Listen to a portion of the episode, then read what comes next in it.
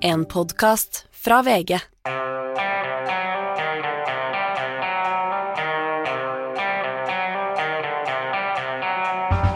Ikke visste jeg at uh, alle disse dagene som kom og gikk, det var selve uke to. Vi er så vidt i gang med det nye året, men det er et tungt år å dra i gang dette her, Yngve. Ja, det er mye, mye alvor ute i den store verden. Mye trist og leit her i verden. Mye trist og leit, ja. Ja. Det. Så vi skal snakke om en del av det triste og leie, men vi skal ja. begynne med noe som tross alt er en hyggelig ting, og første gang ja, nå kommer du til rett på meg, men la meg si det likevel. Første gang eh, siden kong Harald eh, ble kronet i, eh, for over 30 år siden, så er det en kroning i Norden. Ja, og Harald, riktig som du ganske si, ble ikke krona, og det er ikke kroning som foregår nå heller. Nei, ok. Eh, hva ble de da? Utnevnt eller, av kongen i statsråd? Jo, men det er faktisk sånn han blir, han blir proklamert konge fra slottsbalkongen. eh, Men la oss ta Harald først. Han var vitterlig oppe i Nidarosdomen og fikk eh, krone på hodet. Ble signa, ja. Ja, ja. det var ikke kroning. Nei. Nei. Så du har både signing og salving og kroning og sånt, men uh, Gud sign vår konge god. Ja, men kroning det er veldig sjelden. Altså, vi så det jo med, med kong Charles, da han ble både krona og salva. og Så du innrømmer at det var en kroning? Det, det var absolutt en kroning, Anders. Men uh, vi driver ikke med den slags oppi her. Altså, siste gangen Danmark krona en konge, det var vel i 1840. Men du, la oss gå til Danmark Ja. etterpå. Men altså, hva, hva, hvordan ble Harald konge da, hvis han ikke ble krona? For den signingen var mer en sånn kristensak som han Ja, gjorde på privaten? altså, vi, har jo, vi var vel ikke krona noe kongepar i Norge siden Håkon og Håkon 7. og, og Maud. Men uh, både både kong Olav og Harald ønska en, en sånn velsignelse, da, kirkens velsignelse i Nidarosdomen, og fikk da en, en sånn signing. da. Ja. Og la da følgelig ut på signingsferd. Nemlig, nemlig. Men i Danmark, hva er det de gjør da? Nei, i Danmark så blir eh, da nye monarken da, vist fram på slåssbalkongen, og så er det da statsministeren som da eh, proklamerer kongen, og sist det skjedde var i 1972, da Jens Otto Krag, statsminister, eh, proklamerte dronning eh, Margrethe da, som ny monark av Danmark, for da hennes far hadde da avgått til døden. Så er det klassiske ropet da 'kongen er død, leve kongen', men hva skal man si da? Dronningen er pensjonert, leve kongen? Nei, nå skal man si at eh, dronningen har nå abdisert, er på tur tilbake til Melenborg, leve kongen. Ja. Det er nøyaktig det du sier? Ja. Nei, det vet jeg ikke. Nei. Men jeg tipper det vil bli et eller annet sånn, i hvert fall med leve kongen. da. Ja. Kongen leve. Men litt krus gjør de på, Ja. på dette? Ja da, til å begynne med så så det jo ut som at det ikke skulle skje noe som helst. ikke sant? Det skulle være ekstraordinært statsråd på Christianborg klokka to. Og så skulle da denne proklamasjonen da finne sted eh, klokka tre. Og så skulle det være da en samling for spesielt innbytte da klokka fire, var det vel. Og det var sånn eh, altså offisielle Danmark, da, høyesterettsjustitarius og greiene der. Er Men så- så har det jo da enten ved at det har gått opp for eh, hoffet og noen rundt at de må gjøre litt mer ut av dette her, så har det plutselig vokst fram en, eh, en, en stor feiring da, eh, som skal skje gjennom hele søndagen med opptog og, og karett, og det er ikke måte på. Eh, Men jeg tror at antageligvis har det her kommet så brått på ganske mange. Nå har det kommet fram at dronning Margrethe orienterte da sin eh, sønn, den nye kongen, om at hun tenkte å abdisere tre dager før hun gjorde det. Statsminister Mette Fredriksen fikk beskjed angivelig dagen før og måtte skrive om hele ny- nyttårstalen sin. Eh, og den eneste som virker som at det er blitt konferert med, det er jo da kong Carl Gustav av Sverige. Ja. Men øh, hvorfor er det, er det fordi hun plutselig bestemte seg, eller er det fordi hun har vært redd det skulle lekke, eller hva? Antageligvis er det, kan det være begge deler. Dette vet jo ingen. Eh, og som det sto i Politikken, danske avisen i går, at dette får vi kanskje aldri vite. Fordi at uh, dronninga har ikke sagt noe annet enn at, dette var på, at det var pga. helsetilstanden, hennes helbred. Hun gjennomgikk en ryggoperasjon i februar i fjor, og ting har vært vanskelig etter det. Hun mista mobilitet, og klart at det er noe en, en monark trenger som mobilitet, for hun skal jo rundt og hilse på folk og møte og åpne ting og representere alt det ene her. Uh, så det var liksom hovedanliggende, da. Men det må jo ha ganske, blitt ganske påtrengende etter hvert. Eh, Så enten så har hun følt at helsa er blitt svekka, eller at Det er klart Å ha vondt i ryggen det er ikke noe spesielt god følelse. og som sagt, hvis du... Det er mer sånn vi journalister ikke orker å gå på jobb, det. Ja, ja. Eh, sånn at det kan være at ryggsmertene har blitt sterkere Hun har sett for seg at det her går ikke. Eh, så har jeg selvfølgelig også tenkt at ok, 14. januar er en fin dato å gjøre det på, for det var den, dagen hun sjøl ble eh, proklamert eh, dronning. Sånn at det er noe symbolikk i det, og overtakelsen der. Så har jo vært også spekulasjoner på om denne eskapaden til kronprins Fredrik med denne spanske fotomodellen eh, ved det klingende navn Casanova, om det kan ha medvirka sånn at rett og slett hun har ville gi et signal til sin sønn at nå må du Dette er alvor, du kan ikke holde på sånn. Her er virkeligheten. Eh, men jeg vet ikke. Eh, hun har jo også bereda grunn for sin avgang ved f.eks. dette oppgjøret hun tok med da, sin yngste sønn, prins Joakim, også i fjor. Hvor hun da strippa eh, barnebarna for kongelige titler da, for å sette dem fri, som hun sa, for at de skal være fri til å gjøre sine egne valg. Dette er jo en del av hennes eh, strategi, og, og, og strategien til mange kongehus i Europa for tida, liksom det å strippe ned den eh, store andelen av såkalt arbeidende kongelige, da, av de som representerer at det stort sett nå er bare har jo skjedd her i ja, landet at det er bare monarken og tronarvingen og deres familie som er de som representerer. Dette for å få både et billigere kongehus og så et, et kongehus som er mer i, i, i tida, da, i stedet for at man driver og før på alskens slektninger som man drev på med både i Sverige og Storbritannia, ikke minst, da, men også i Danmark. Men når vi først holder oss med et kongehus, og det er jo delte meninger om dette, og jeg Ja. at de, de, de fleste tenker at skulle vi starta fra scratch nå, så ville vi ikke hatt noe kongehus, men det er ganske stas å ha det. Ja. Men vi må jo i hvert fall ha en kroning eller signing eller proklamasjon som er litt sånn gammeldags europeisk eventyraktig. Ja, og det er jo det de faktisk nå flere tar til orde for i Danmark. Altså fram med hermelinskåpen og septeret og riksøksa og alt Og sammen. C. Andersen og Ja, hele ja, pakka. nå må vi virkelig vise at uh, for liksom, Hva er vitsen med kongelige og kongehus hvis vi ikke har denne festen rundt det? For det er jo som du sier, altså, det er jo en såpass absurd idé, dette at uh, dette øverste representasjons... Uh, altså, jeg håper på å si uh, statsoverhodet og eierskapet til nasjonen, at det liksom skal gå i arv i én bestemt familie. Som om liksom, som den ene familien er mer genetisk godt betinga for å styre enn noen andre. Altså, dette er helt bare tull. Ja, men det, er jo, Men- det ligger i våre røtter Ja, og men, jo da, men altså, så, så nettopp derfor, liksom, når vi først skal ha det, for dette er jo, det, det er jo et sånn langt Det er jo et realityshow på mange måter. Eh, så må vi liksom sånn, Da må vi få litt valuta for pengene, og dette blir sagt i fullt alvor i Danmark. Nå må vi, For, liksom, for danskene er jo enda litt mer sånn nedpå sosialdemokratisk eh, egalitær enn hva vi kanskje er i, eh, i Norge. da. Så nå, nei, nå vil de ha fest og moro, og det får de jo nå til en viss grad, da, med at det er show gjennom hele helga da, i, eh, i Danmark. Og hvordan, hvordan følger vi dette showet her? Nei, altså vi kan jo følge det på VGTV fra klokka ett og utover. Da skal vi ha studio, og vi ha vi har, eh, vi har folk i Danmark som skal ut og se på folkelivet der og, og sånn. Eh, intervjue motstemmer og folk som er for monarkiet, og folk som er selvfølgelig ut for å feire eh, nye kongen og hans familie. Og dette ble, jeg tror jeg blir mye, mye moro i Danmark. Det er stas, og det er første gang på, på 30 år i Norden, og altså over 50 år siden det skjedde forrige gang i Danmark, så det er jo ikke noe som skjer i hytt og pine, dette her. Nei, og i hvert fall ikke at en eh, nordisk monark frivillig eh, abdiserer. Uh, og på så på lista her, og det er vel i, i Danmark så har det ikke skjedd siden 1146, da Erik den tredje, den såkalte Erik Lam, eh, ble alvorlig syk og, og var altså den første i, i dansk historie, og så langt også den eneste, altså, som frivillig, uten ytre press, har valgt å abdisere. Det har vært noen andre avganger. Men dette, han er da regnet som den første som gjorde det, og den eneste som gjorde det. Er det noen i Norge som har abdisert frivillig? Nei, jeg tror ikke det. Stort sett blitt styrta i blodbad Det... Ja, Eller at det har skjedd ting som har gjort at kongelinja har blitt brutt. I, I Danmark, vet du, det er spesielt der, det er jo at faktisk det, de har jo en nesten, jeg vil si, ja, ubrutt linje helt siden Harald Blåtann. Altså den den linja går egentlig lenger tilbake enn en den britiske. Hvis vi, Hva med prins Hamlet? Da Ja. døde jo alle i siste akt, og så kom kongen av Norge inn ja, og overtok showet. Ja, der har du rett. Ja. Det er mulig at dette med Hamlet kanskje er en fiksjon, men det, det kan man aldri vite. Altså. Prins Amled, var det ikke det han egentlig het? Ja da, og Shakespeare, han eh, tok jo historier fra Han bygget på løgn, eh, fakta og dårlig hukommelse. Ja, ja.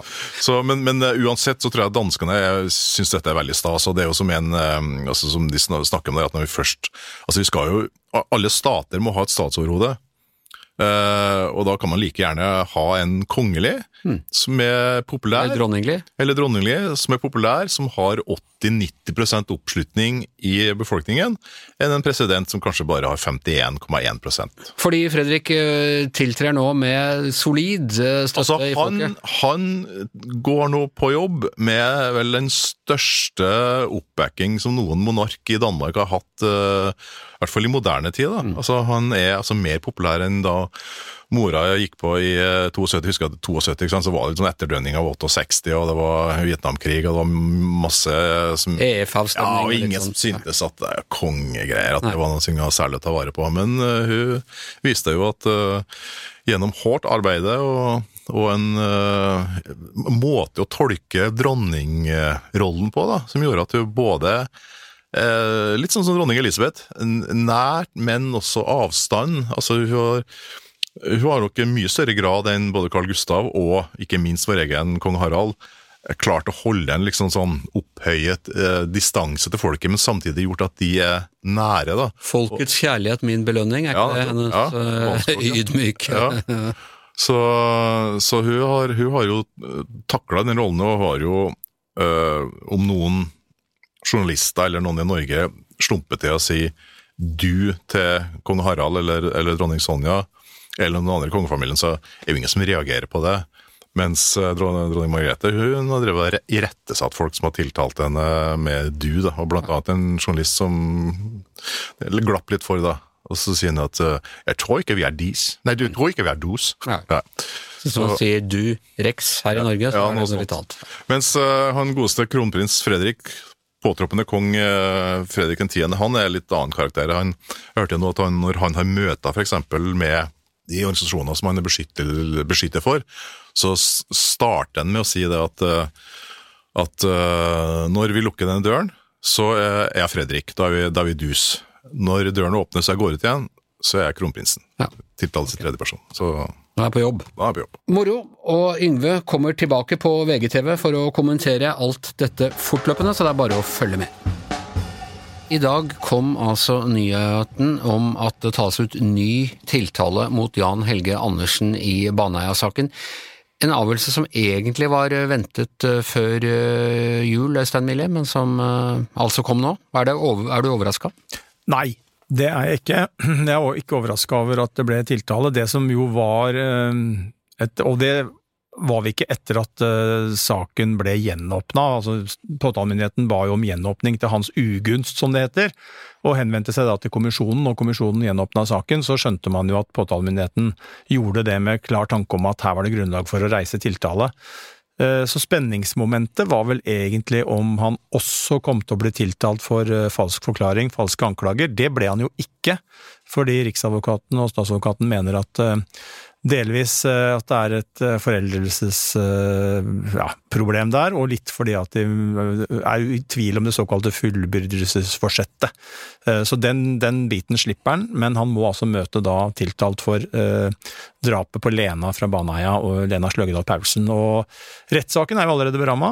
eh, Og den eh, starter 15. april i, i Sør-Rogaland tingrett i Sandnes. eh, Og der er det satt av åtte uker, tror jeg. For det er jo sånn at hvis man gjenopptar f.eks. i Viggo Kristiansens tilfelle, når man da eh, beslutter å gjenoppta saken, så betyr det i realiteten at det da ikke blir noen sak. Han er da eh, frikjent fordi eh, eh, påtalemyndighetene mm, mener at de da ikke kan eh, bringe bevis for det en gang til. Men det gjelder altså ikke her, Nei, det er når det er den andre veien. Det er litt ulike, litt ulike varianter der, fordi at eh, kommisjonen eh, behandler jo begjæringer både fra den dømte, men også fra påtalemyndigheten. Og fra den dømte så forekommer det jo, det var jo det som var Viggo Kristiansens sak, så forekommer det jo at det blir eh, en gjenåpning av en sak, men eh, like fullt at påtalemyndigheten har jo da to valg, enten å nedlegge en påstand om frifinnelse, som de gjorde for Viggo Kristiansen, men de kan også gå til retten og be om en ny rettssak med tanke på en ny dom. Mm. Uh, og det har også skjedd. Folk, og det har skjedd faktisk, så vidt jeg vet, flere ganger at folk har fått saken gjenåpna, men blir dømt på nytt.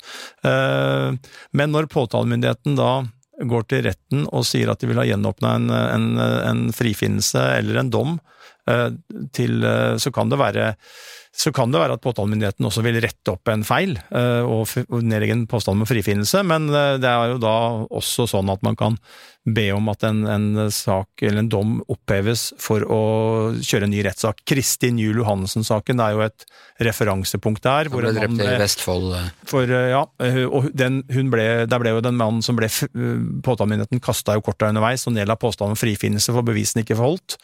Han var frifunnet ute av saken, egentlig, og så kommer det et nytt DNA-bevis mange år, eller noen år senere, og politiet eller påtalemyndigheten mener at nå har vi likevel bevis mot ham, og går da til kommisjonen, som da opphever den frifinnende dommen, og så blir han da dømt eh, for drapet, som jo er nå rettskraftig. og For Andersens del så var det da at man ba om en på en måte tilsvarende variant, at man begjærer gjenåpning til hans ugunst, fordi at man da ønska å ikke Han var jo dømt for ene drapet, men man ønsker da å straffe han også for det andre drapet, og da blir det jo på en måte til hans ugunst. Hadde det vært for å frifinne ham, så hadde det vært til hans gunst. Men dette er jo en veldig, veldig spesiell situasjon. Han har tilstått et av de aller verste draps- og overgrepssakene i norsk eh, kriminalhistorie, har sonet for det, og nå skal han altså Kan han da dømmes til ytterligere fengsel? Ja, men ikke 21 år som noen eh, har eh, trodd og tenkt, at man kan få da 21 års fengsel for, for det drapet som han ikke ble dømt for. Han og da kan vi bruke en sak som begge vi to kjenner godt, eh, nemlig Orderud-saken som en referanse. Det er jo sånn at Der ble det jo tre drept, men det, jo ikke, det var jo ikke sånn at det var tre ganger 21 som var, som var utgangspunktet. Du straffes for den, altså det ses på som én forbrytelse, og når det gjør det, så er det 21 år som er maksstraff, eh, selv om det er flere du dreper, eller um, om det handler om narkotika. altså Uansett hvor mye det er, så blir det bare én. Du kan liksom ikke gå utafor den ramma, da. Uh, så det er jo Han risikerer jo en ny fengselsstraff da på inntil to år, for han fikk jo 19, og da kan han få to til. Det betyr jo at Jan Helge Andersen han risikerer å bli kalt inn til soning, og, og, må da sone to tredjedeler av de to årene, altså litt over et år, da, hvis, blir, hvis det blir en rettskraftig dom mot ham her. Og så lurer jeg på, blir eh, Viggo Kristiansen, vil han bli ført som vitne i denne saken? Det er jo et av de store spenningsmomentene. For det første, om Jan Helge Andersen opprettholder sin forklaring, som om vi har stått fast med, og som han stadfesta senest i avhør med Oslo-politiet i forbindelse med den nye etterforskninga av Baneheia-saken, som jo leda fram til det som skjedde i dag. Eh, om han står fast ved at Viggo Kristiansen var på åstedet, selv om Viggo Kristiansen ettertrykkelig er frifunnet eh, av både riksadvokat og retten, eh, så får vi jo en, en spenning rundt det. Og hvis og han gjør det, så vil jeg jo tro at Svein Holden, forsvareren til Jan Helge Andersen, mm. kaller inn Viggo Kristiansen til retten, og at han må vitne.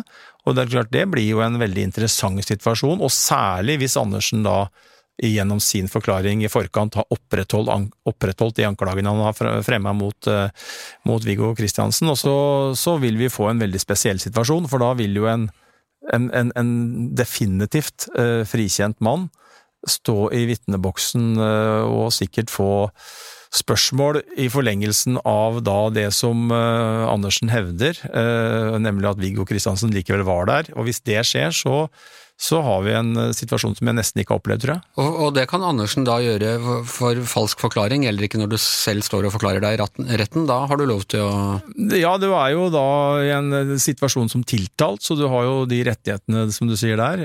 Um, men, men, det er jo en veldig Det blir jo Det er ikke til å komme fra at uansett om du kan gjøre det eller ikke gjøre det, eller hva som blir utfallet der, det, det blir en ekstremt, ekstremt spesiell situasjon.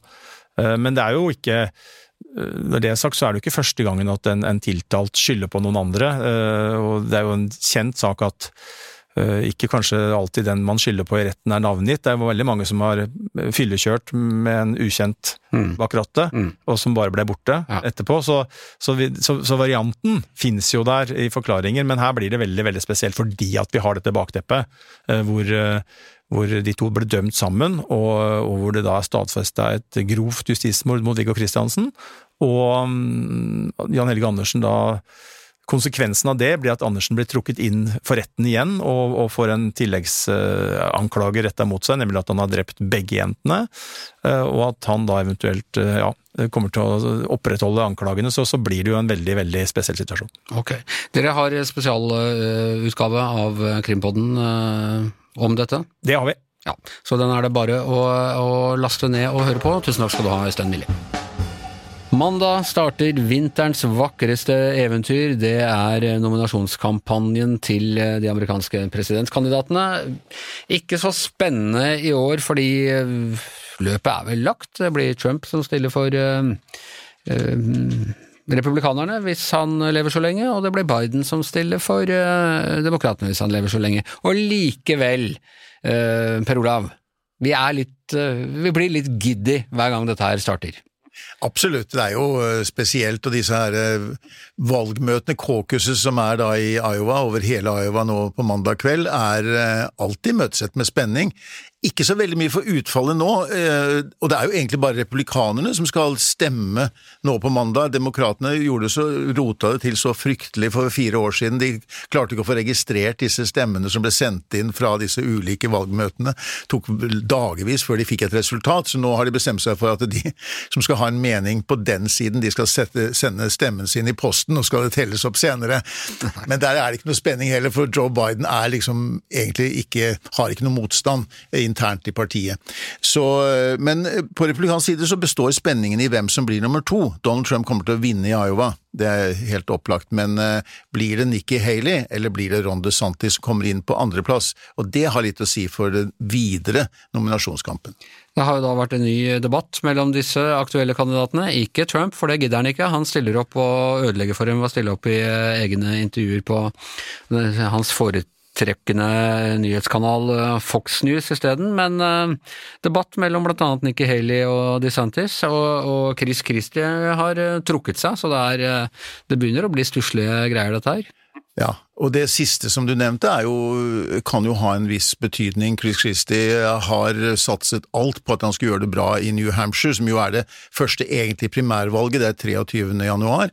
Um, og der, da er det langt flere som deltar. I Iowa så er det egentlig bare de av partiaktivistene som gidder å møte opp på disse valgmøtene og avlegge stemme, så det gir ikke så veldig godt inntrykk av folkestemningen, egentlig. Men i New Hampshire så er det langt flere som deltar, der er det vanlige valg, og, um, og der er jo um, eh, Nikki Haley uh, på en god annenplass etter Trump. Uh, ikke sånn veldig langt etter heller, og Chris Christie hadde jo da, har jo hatt en oppslutning på 10-12 der, og hvis man bare hadde lagt sammen de som har sagt at de ønsker å stemme på Christie, med de som eh, sier de vil stemme på Nick Haley, så er det dødt løp mellom eh, Trump og, og, Haley. Chris Christie har jo tidligere sagt at eh, hvis man bare greier å slå Donald Trump i én delstat, så vil hele det korthuset ramle sammen, og Trump vil ikke være den der formidable kandidaten.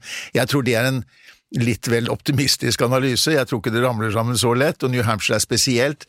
Men det er klart, hvis hvis Nikki Haley klarer å bli nummer to i Iowa, og gjøre det skarpt i New Hampshire, så er det egentlig bare hun som står igjen som en seriøs utfordrer da, til Donald Trump. Ja, hvis, altså, men de som ville ha stemt på Chris Christie, de ville i hvert fall ikke stemme på Trump, og han har vært den mest uttalte motstanderen uh, Trump har i det republikanske partiet, men de kan selvfølgelig fordele seg mellom uh, DeSantis og eh, Nikki Haley. Hva er det som er de store temaene nå ved inngangen til begynnelsen?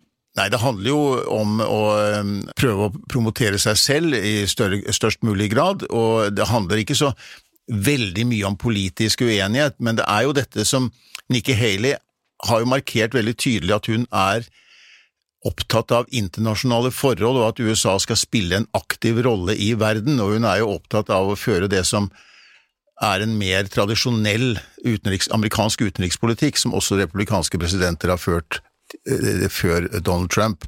Og det er egentlig i utenrikspolitikken vi ser den største forskjellen mellom henne og Donald Trump. Og når Trump nå angriper henne, og det gjør han i stadig sterkere grad, for han ser at hun er kanskje den som er det eneste problemet som gjenstår på veien mot nominasjonen, eh, så kaller han henne for globalist, eh, og det er liksom noe av det verste du kan si da, i det republikanske partiet for tiden. Men angriper han henne så hardt at det blir umulig for ham å gjøre henne til visepresidentkandidat, f.eks.? For, for han trenger jo det. Ja, nettopp. Og, ikke, og, hun er jo faktisk av de som nevnes oftest som en mulig visepresidentkandidat. Eh, hun har jo vært hans FN-ambassadør i den forrige perioden, sånn at det er ikke noe utenkelig scenario, det. Og det, ikke, det, har ikke vært så mye vondt blod mellom de. Har ikke, hun har ikke gått hardt ut mot Trump i valgkampen, selv om hun advarer mot det kaos en ny presidentperiode ville innebære. Men da kan hun jo si at jeg blir visepresident for å være med og Ro dette. Ja, ja, ro dette. Er DeSantis i det hele tatt aktuell som visepresidentkandidat? Han var jo egentlig den som sto Trump nærmest politisk. Ja, men jeg tror nok ikke det er så sannsynlig, fordi eh, jeg tror han vil velge en jo, Trump sier at han har bestemt seg for hvem det skal være, han, ikke, han, vil bare ikke si hvem det er. Det er vel ikke usannsynlig at det vil være en kvinne, og da er jo øh, hun Stefanik, som er en kongressrepresentant fra New York, en av de som også nevnes ganske ofte. Um, men, øh, men det er ikke umulig at det kan bli Haley. Jeg tror ikke Ron DeSantis Han er på en måte for lik øh, Donald Trump. Jeg tror han må ha både et annet kjønn, og jeg tror han vil også prøve å nå eh, amerikansk eh, Prøve å få flere kvinner til å stemme på seg. Hva, hva med vår gamle venninne Sarah Palin? Hun var jo på en måte Johannes døperen for de som ser på Trump som nye Messias. Hun tror jeg har fått, hatt sin sjanse som visepresidentkandidat. Jeg tror ikke det kommer tilbake. Var det for McCain i 2008? Ja, ja ikke sant. Den, den, det, og hun tapte jo dessuten et valg i, i, Alaska siden, og Trump er ikke så glad i folk som taper valg. Selv om han har tapt noen selv. Ok, eh, det blir altså ikke så veldig spennende, men det blir ganske spennende likevel. Jeg, og jeg kjenner uansett hvor liksom mørkt jeg kan se på alt dette med Trump og sånne ting, det er gøy at det er en amerikansk presidentvalgkamp i gang igjen. Ja, det er det. Og så er det det at vi vet Det er jo alltid noe som er litt uberegnelig i sånne valgkamper. Vi har sett overraskelser før. Kandidater som har blitt helt avskrevet, som har kommet tilbake. Og, og det kan skje uventede ting fortsatt, ehm, men jeg er enig. Altså Alt tyder på at dette blir en reprise på oppgjøret fra 2020 mellom, mellom Trump og, og, og, Biden. Det er eh, Alt annet er veldig usannsynlig. Det blir som Terminator-filmene. Terminator 1 var Eh, ikke så spektakulær som eh, Terminator 2, men det hadde ikke blitt noe e toeren uten eneren. Denne samtalen hadde Per Olav og jeg i går på torsdag. Da vi våknet i dag, eh, fredag, så hadde det skjedd nye ting i den forverrede utenrikspolitiske situasjonen. Så da måtte vi bare ringe deg opp igjen da, Per Olav? Ja, det var jo veldig dramatiske nyheter her på morgenkvisten med disse svært omfattende amerikansk-britiske angrepene mot eh, en lang rekke mål i Jemen, der Houthi-militsen da skal ha sine baser og våpenlagre. Men denne Houthi-militsen har altså angrepet uh, skipstrafikken, uh, internasjonalt uh, farvann. Man må jo kunne foreta seg noe? Ja, og det har jo vært et styrket militært nærvær da, fra USA og andre i regionen pga. dette. Vi skal huske at disse Angrepene fra Houthi-militsen har jo pågått siden november, da, og det er vel i hvert fall 27 skip som er blitt angrepet med missiler og droner. Og de har til og med tatt et eh, skip eh, De kapret et skip og tok mannskapet i fangenskap. Eh, så, og de har jo gjentatte ganger blitt advart da, fra mm, USA og andre mot at dette må stanse. Og så sent som på i går så vedtok jo FNs sikkerhetsråd for en gangs skyld så klarte de å komme fram til et vedtak eh, om at dette måtte opphøre umiddelbart. Eh, og det ga også land rett til å forsvare seg mot den type angrep. Riktignok så, så stemte ikke Russland og Kina og to andre de avsto fra å stemme, men det ble i hvert fall vedtatt med 9 av 15 stemmer i Sikkerhetsrådet. Men hva er det man frykter skal skje nå? Kan dette liksom føre til en storkrig i eh, hele regionen? Det er jo dette vi har snakket om nå i, i flere uker, og vi har jo sett uh, man, har liksom snak, man, har snakket om dette med spredningsfaren for krigen fra, fra Gaza, uh, men den spredningen har jo allerede skjedd. Det skytes nesten daglig på grensen mellom Libanon uh, og Israel. altså Hezbollah-militsen i Libanon angriper Israel, Israel svarer med samme mynt. Det har vært angrep mot amerikanske baser i Syria og og Irak. Og Houthi-militsen har altså fordi de da viser, skal vise de, i egne ord skal de vise solidaritet med palestinerne i Gaza, og gir da på en måte en slags støtte direkte til Hamas ved å angripe skip som de sier seiler inn eller ut fra Israel. Nå har jo skip fra, sivile skip fra en lang rekke nasjoner og med ulike destinasjoner blitt angrepet, så, ikke, så disse angrepene virker mer vilkårlige enn at de har vært rettet akkurat spesielt mot skip som går til Israel. Hva skjer videre nå? Det blir jo veldig interessant å se. og Det er jo åpenbart en fare for en ytterligere opptrapping. fordi det som skjer nå, er jo at USA og Iran, som er på, Iran som den regionale stormakten her, allierte alliert med Houthien og Hizbollah og med støtte til Hamas, de er jo en aktiv eh, part her. Og det er kryssende interesser med USA, som støtter Israel. Ehm, og er, de kommer liksom nærmere dette scenarioet med en større krig i regionen. Selv om USA, Anthony Blinken, utenriksministeren, har jo vært på en av sine mange sånne skytteldiplomatiske reiser i regionen denne uken her. Og der har på en måte hovedmålet vært å hindre en, eh, at det skal skje, at det skal bli en slik eh, utvikling. Men eh, samtidig så er det jo klart at det som disse angrepene mot Houthi-militsen vil jo oppildne denne her, kan du si, antivestlige og anti-israelske aksen da, som uh, Iran leder i regionen, og deres uh, partner i den aksen. Så uh, det er Siktemålet var jo åpenbart å gjøre at ikke Houthi-militsen er i stand til å gjennomføre disse angrepene mot den sivile skipsfarten i Rødehavet. Det gjenstår å se om det målet blir nådd. Det vi vet, er at Houthi-militsen har et ganske stort våpenarsenal, og de har Eh, lang kamperfaring. De har jo tross alt kjempet en borgerkrig i Jemen som har pågått i i, i ti år, og mer enn det, egentlig. Verden bare holder pusten. Får håpe den står til over helgen. Tusen takk skal du ha, Per Olav Ødegaard.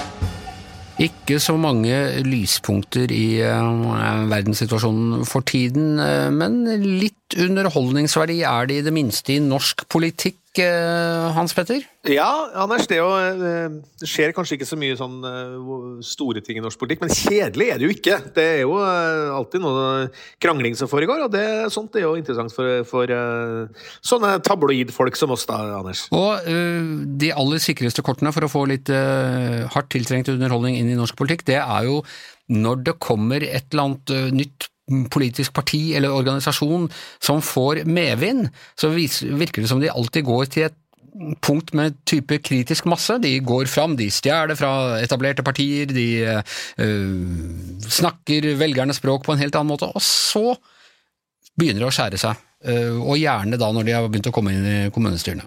Og da snakker ja, det... jeg altså om Industripartiet, hva heter det, Nærings... Industri- og Næringspartiet, INP, som nå er blitt eh, forkortelsen.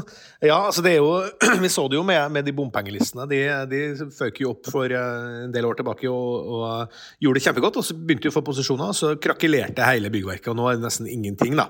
Eh, det som har skjedd i Industri- og Næringspartiet, er jo at partilederen Ove Waldsesjø han har jo Eh, det var vel i november allerede. Han meldte at han skulle ta en lengre pause. Så han skal rett og slett tatt en timeout fordi han var så eh, det var eh, så hardt å være leder i det partiet, så han skulle ta en pause fram til mars.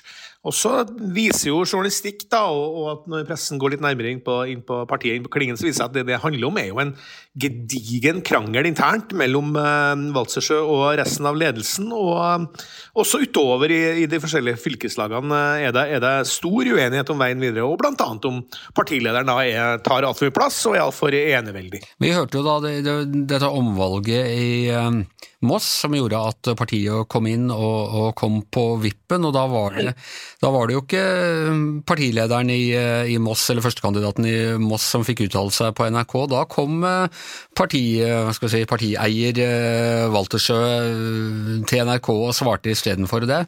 Det er vel sånn som kan skape litt, skape litt uh, dårlig stemning. Ja, det er åpenbart. Jeg husker vi snakket om det da det skjedde. Da, da, fordi du gjorde det jo veldig bra ned i det omvalget i Moss da, i MP. og, og da var jo mange av oss som stussa litt når Walsersjø valgte å dukke opp i Politisk kvarter den morgenen for å få snakke om, om det som skjedde. og eh, med forklaring om at han tilfeldigvis var i byen, og ja, det kanskje passa seg at han tok det, da.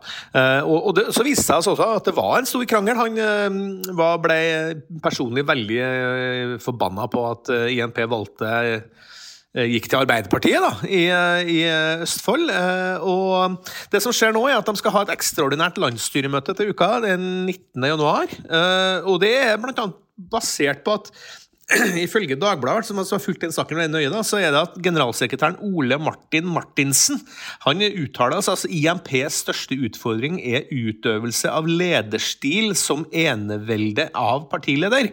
Litt krøkkete uttalelse, men han mener altså det han sier, er at Waltersjø er en eh, eneveldig leder, og at eh, han bl.a. skal ha eh, stengt ut folk på, i sosiale medier. Uh, bl.a. at generalsekretæren skal være fjerna fra sentralstyrets messengerliste. Så det er jo klassisk sånn partikrangel, på, på, sånn som vi kjenner det fra mange andre partier fra før også. Det er åpenbart at det er personlighetsmotsetninger her som, som er vanskelig å, å overstige. da. Har opposisjonen noen motkandidat som de samler seg rundt, eller? Nei, det var jo snakk om eh, den eh, berømte Twitter-aktivisten uh, Eilertsen en, en stund her, men han har jo vært ute og sagt sjøl at han eh, avviser at han er lederkandidat. da. Men, men eh, det som er morsomt, er at han valgte seg også i, i uttale da, til Dagbladet han eh, eh, at han vedgår at han er en litt krevende eh, partileder, at han tar litt mye plass. Sånn, men så sier han altså samtidig at at det går ei kule varmt, er nok ikke noe dere i den forfinede hovedstadspressen innenfor Ring 1 er vant til. Så, um, og det, det, Da prøver en å dra mediekortet, da, at det er media som er fienden. Det er jo en klassisk uh, greie, det. Og, og så omtaler da hele saken uh, med han generalsekretæren sånn, som, som en drittpakke som er noen har planta for å ta han. da. Ja, jeg elsker sånn den forfinede hovedstadspressen innenfor Ring 1. Det er oss det, Hans Petter! Ja, jeg bor utenfor Ring 1, så det gjør det for så vidt du også, eh, så vidt. Gjør du ikke det? Nei, det gjør du ikke. Nei, nei. Føler, jeg føler meg truffet av dette. Og vi kan øh, love Waltershaw at dette skal vi følge mer med på. Det kommer mer i den forfinede hovedstadspressen om denne saken. Det gjør det helt sikkert. Og så må vi bare huske på at vi hadde jo en måling i uka her i VG som, gjorde, som viste at INP gjorde det helt skrekkelig dårlig, helt ned på 1,7% mens Nettavisen hadde en måling der INP lå på over 6% Så det er et parti som eh, på alle mulige måter er i vinden. da. Altså, det blir utrolig spennende å følge med videre på de krangelen og hvordan det ender opp på det landsstyremøtet her den 19. Det skal vi gjøre. Eh, Det kan vi love. Tusen takk skal du ha, Hans Petter. Det går mot slutten, men eh, det gjenstår å minne om at i morgen kommer vi med den vanskelige andreutgaven av podkasten Mediebobler, hvor Gard Steiro og jeg, og noen gjester, diskuterer mediesituasjonen og hva som har skjedd i uka som gikk i, i norske medier. Blant annet eh, skal vi snakke om hva en snakkis er for noe. En snakkis er en sak som folk snakker om. Hver jævla dag må det norske folk ha noe å snakke om. På bussen, på arbeid, i lunsjen, ved middagsbordet. Og det skal vi gi dem. Hver forbanna dag skal vi gi det norske folk noe å snakke om. Og en vakker dag er det ikke en jævel i dette landet som tør å åpne kjeften før de har lest dagens nyheter. De vil delta i den store samtalen. Mediene setter dagsorden, heter det, men det å sette dagsorden er faen ikke å avsette statsråder. Nei, å sette dagsorden er å gi folket noe å snakke om. Ja, det var redaktør Sjark Henriksen som redegjorde for hva en snakkis er for noe. Hør mer om Sjark Henriksen og snakkiser i morgendagens utgave av Mediebobler. Den er åpen og tilgjengelig og nedlastbar og gratis på alle plattformer. Og med det så er altså Giæver og gjengen over for i dag. Tusen takk til Yngve Kvistad, Øystein Milli, Per Olav Ødegaard, Hans Petter Sjøli. Jeg heter Anders Giæver, og mannen som lager denne forfinede podkasten innenfor Ring 1, det er vår produsent Magne Antonsen. Du har hørt en podkast fra VG. Ansvarlig redaktør, Gard Steiro.